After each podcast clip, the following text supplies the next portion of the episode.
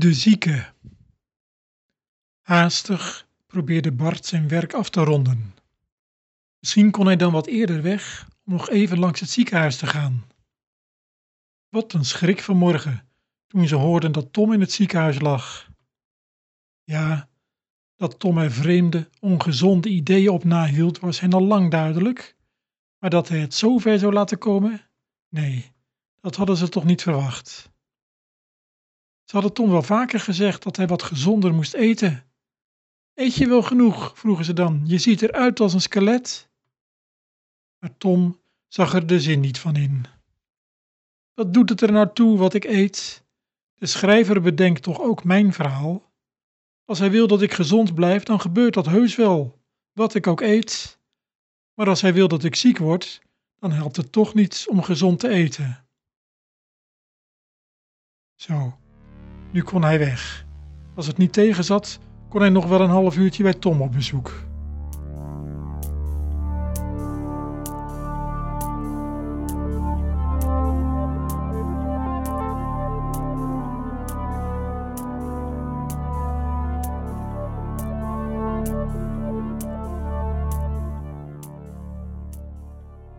Hij trof Tom aan in een ziekenhuisbed.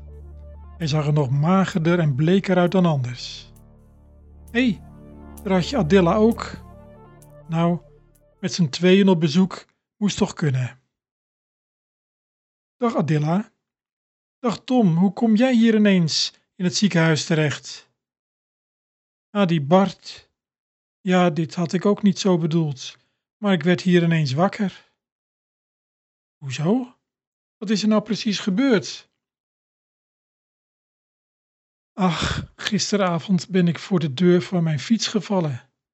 De buren zagen het gebeuren. Ik was even helemaal weg. Ze hebben direct de dokter gebeld. Die heeft me direct naar het ziekenhuis laten brengen. Ik ben bang dat ik hier voorlopig niet meer wegkom. Waarom niet? Heb je iets gebroken of zo? Dat niet. Van het vallen heb ik eigenlijk niet zoveel overgehouden. Nee, maar ze zeggen dat ik zwaar onder voet ben. Daarom zou ik gevallen zijn. Ze willen me niet laten gaan voor ik weer wat aangekomen ben. Nou, dat verbaast me niks. Ik heb je al wel vaker gezegd dat je niet goed at. Ja, dat weet ik, maar ik geloof er niks van. Het heeft allemaal helemaal geen zin.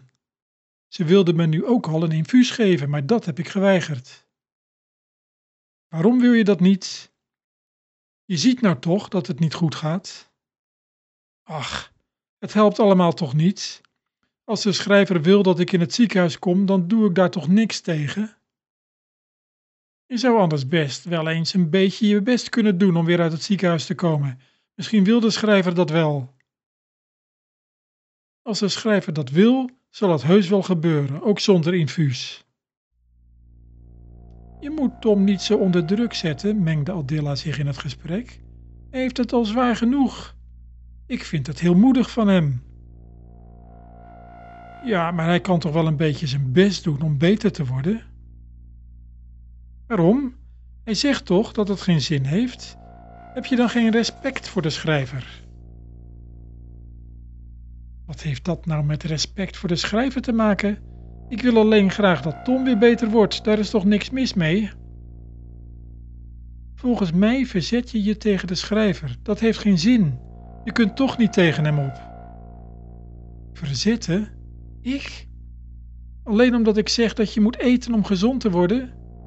Wel nee, dat is geen verzet. Dat is toch de normaalste zaak van de wereld? Komt omdat jij niet verder kijkt. Maar Tom kijkt verder dan deze werkelijkheid. Hij accepteert de wil van de schrijver. Daar zou je respect voor moeten hebben. Volgens mij help je Tom helemaal niets met dat soort praatjes. Je maakt alleen maar dat het erger wordt. Nee, Bart, zei Tom. Adilla helpt me juist wel. Zo is het voor mij gemakkelijker alles te accepteren wat de schrijver me laat overkomen. Ja, maar Tom, zei Bart bijna wanhopig, dit overkomt je niet zomaar. Je doet het zelf. Ik doe niks. Het is de schrijver die muziek heeft gemaakt. Dat is niet gemakkelijk voor mij te dragen. maar Adilla helpt me tenminste om erin te berusten. Je doet inderdaad niks. Deed je maar wat. Je moet er helemaal niet in berusten. At je maar wat, dan werd je misschien zo weer beter. Dan was dat ook de wil van de schrijver. Nee, Bart. Jij denkt zelf de wil van de schrijver te kunnen bepalen, alsof wij door al of niet te eten de wil van de schrijver kunnen sturen. Je denkt veel te groot van jezelf. Wij zijn maar bedenksels van de schrijver. Als hij wil dat ik beter word, gebeurt dat. En als hij dat niet wil, gebeurt dat niet. Daar verander ik niets aan door mijn eetgedrag. Ja, maar als hij nou wil dat je eet, waarom doe je dat dan niet? Als hij dat zou willen, zou ik dat natuurlijk ook doen. Maar hoe weet ik nou of hij dat wil? De schrijver zegt toch zelf dat hij mensen wil die hun eigen plannen maken en ernaar streven die ook uit te voeren? Dan lijkt het me duidelijk dat je er ook naar mag streven om beter te worden door wat te eten. Hierop reageerde Adilla weer. Je moet geen valse hoop wekken, Bart. We zien toch dat Tom ziek is? Dan is dat de wil van de schrijver. Dat kun je toch niet ontkennen? Als dat de wil van de schrijver is, dan helpt eten echt niet. Het geeft alleen maar teleurstelling. Dus je helpt Tom niet door zo te blijven aandringen.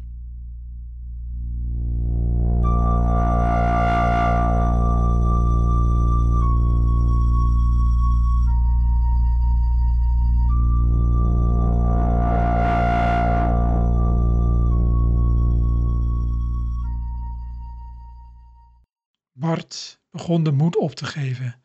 Hij werd er wanhopig van. Wat viel hier nou nog tegenin te brengen? Kon hij Tom maar eens alleen spreken? Misschien was hij dan te overtuigen. Iedere keer als hij het gevoel kreeg dat Tom naar hem luisterde, kwam Adilla weer met zo'n vreemde redenering. Adilla zag er trouwens wel gedaan uit. Geen eetprobleem zeker. Misschien moest hij het eens anders proberen. Hij ging naar de gang en haalde uit de automaat een beker hete thee. Uit de automaat ernaast haalde hij een pak stroopwafels. Hij nam één wafel uit het pak en legde die op de beker thee. Dan werd de koek warm en kwam de smaak van de zachte stroop beter tot zijn recht. Bovendien kwam er dan een lekkere geur vrij. De andere stroopwafels liet hij in het pak zitten. Hij maakte het pak weer dicht en stopte het diep in zijn zak. Zo liep hij weer terug en ging weer bij Tom zitten. Zo, Adilla, je ziet er goed uit. Ja, ik voel me prima. Hij nam een hap uit de warme stroopwafel en legde hem weer zorgvuldig boven de hete thee. Zo, dat smaakt. Ik begon honger te krijgen. Het loopt ook al tegen etenstijd. Zou het lukken? Met zo'n mond vol stroopwafel kun je zelf niet meer ruiken of de geur al in het vertrek hangt. Vergist hij zich of zag hij Adilla slikken? Zo, Adilla, was je hier al lang voor ik kwam? Ja, eigenlijk zat ik hier al een half uurtje. Misschien moest ik eens opstappen. Ze zullen thuis ook wel op me zitten te wachten voor het eten. Adilla trok een dikke groene jas aan en zette een rechte hoed op en stak een hand op. Zo, Tom, ik ga maar weer eens op huis aan. Binnenkort hoop ik nog eens te komen. Laten we hopen dat het zich toch nog ten goede keert en dat je snel naar huis mag. Nou, Adilla, doe iedereen de groeten thuis en hopelijk tot ziens. Terwijl Adilla verdween, ging Bart wat dichter bij Tom zitten. Hij voelde eens aan zijn beker. Die was nog goed heet. De wafel begon zacht te worden en de stroop dreigde eruit te lopen. Hij haalde het pak uit zijn zak en legde een andere wafel op zijn beker, waarna hij de eerste langzaam opat. Zou het een beetje te ruiken zijn? Die ziekenhuiskamer is ook zo groot en er hangen zoveel andere luchtjes. Even dacht hij dat hij Tom licht hoorde snuiven.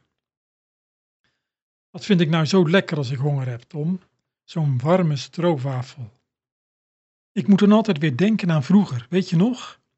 Als we uit school kwamen, gingen we wel eens bij de oude mevrouw Heinders langs. Die gaf ons ook wel eens een stroopwafel, die ze eerst opwarmde. Die heerlijke geur in dat kleine kamertje voor je je eerste hap nam. Jij was er toen ook dol op. Het komt weer helemaal voor de geest. Ja, ik herinner het me ook nog. Daar heb ik een tijd niet aan gedacht. Ik zou niet weten hoe lang het geleden is dat ik voor het laatst een stroopwafel heb gegeten. Wat denk je? Zou de dokter het erg vinden als ik ook een stukje nam? Heeft hij dan gezegd dat je sommige dingen niet mag eten? Dat niet. Hij zei alleen dat ik voorzichtig moest zijn omdat ik bijna geen reserves meer heb. Nou, het lijkt me dat een klein stukje dan geen kwaad kan. Bart pakte de stroopwafel, die ook al een beetje warm werd, van zijn beker. De stroop was al wat zachter, maar nog niet vloeibaar. Hij brak er een stuk van af en gaf het aan Tom. Hij probeerde niet te laten merken hoe belangrijk hij het vond. Tom beet er een klein stukje af en kauwde er langzaam op. Daarna nam hij een grotere hap. Zeg Bart, weet je nog dat hondje van mevrouw Heinders? Kon zo bedelen. Hij kon zo'n stroopwafel bijna uit je mond kijken. Ik moet er ineens aan denken, zo zit jij naar mij te kijken. Zo bedoel ik het niet, Tom. Ik heb er hier nog wel een. Bart haalde nog een wafel uit het pak. Aangezien er nog een ander stuk op zijn beker lag, beet hij maar direct een hap uit. Nee, Tom, ik ben juist erg blij dat je eens wat eet. Ik weet niet goed of ik je begrijp, maar uit het feit dat je nu een stroopwafel zit te eten, mag je toch opmaken dat de schrijver ook wil dat je wat eet. Dat zal wel, maar dat wil nog niet zeggen dat ik er beter van word. Dat valt niet met zekerheid te zeggen, maar de schrijver werkt toch wel duidelijk met bepaalde regels. Over het algemeen worden mensen die niet eten ziek en zwak en worden ze weer beter als ze het eten krijgen. Dus als de schrijver wil dat je wat eet, is het niet onwaarschijnlijk dat hij ook wil dat je weer beter wordt. Dat klinkt wel logisch, maar zeker weten doe je het niet. Als de schrijver wil dat ik ziek blijf, dan heeft eten geen zin. Maar we weten niet wat de schrijver wil.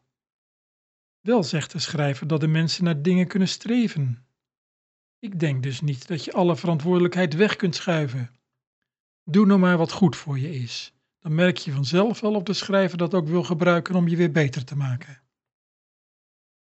Ja, maar de schrijver heeft dat toch helemaal niet nodig om het beter te laten worden? In principe niet. Maar als de schrijver nu eenmaal graag werkt volgens de regels die hij voor zijn boek bedacht heeft, misschien toch wel. Daar zit wel wat in. Ik zal er nog eens over nadenken. Moet je doen. Wil je de andere helft van de stroopwafel nog? Dan kan ik eindelijk mijn thee eens opdrinken.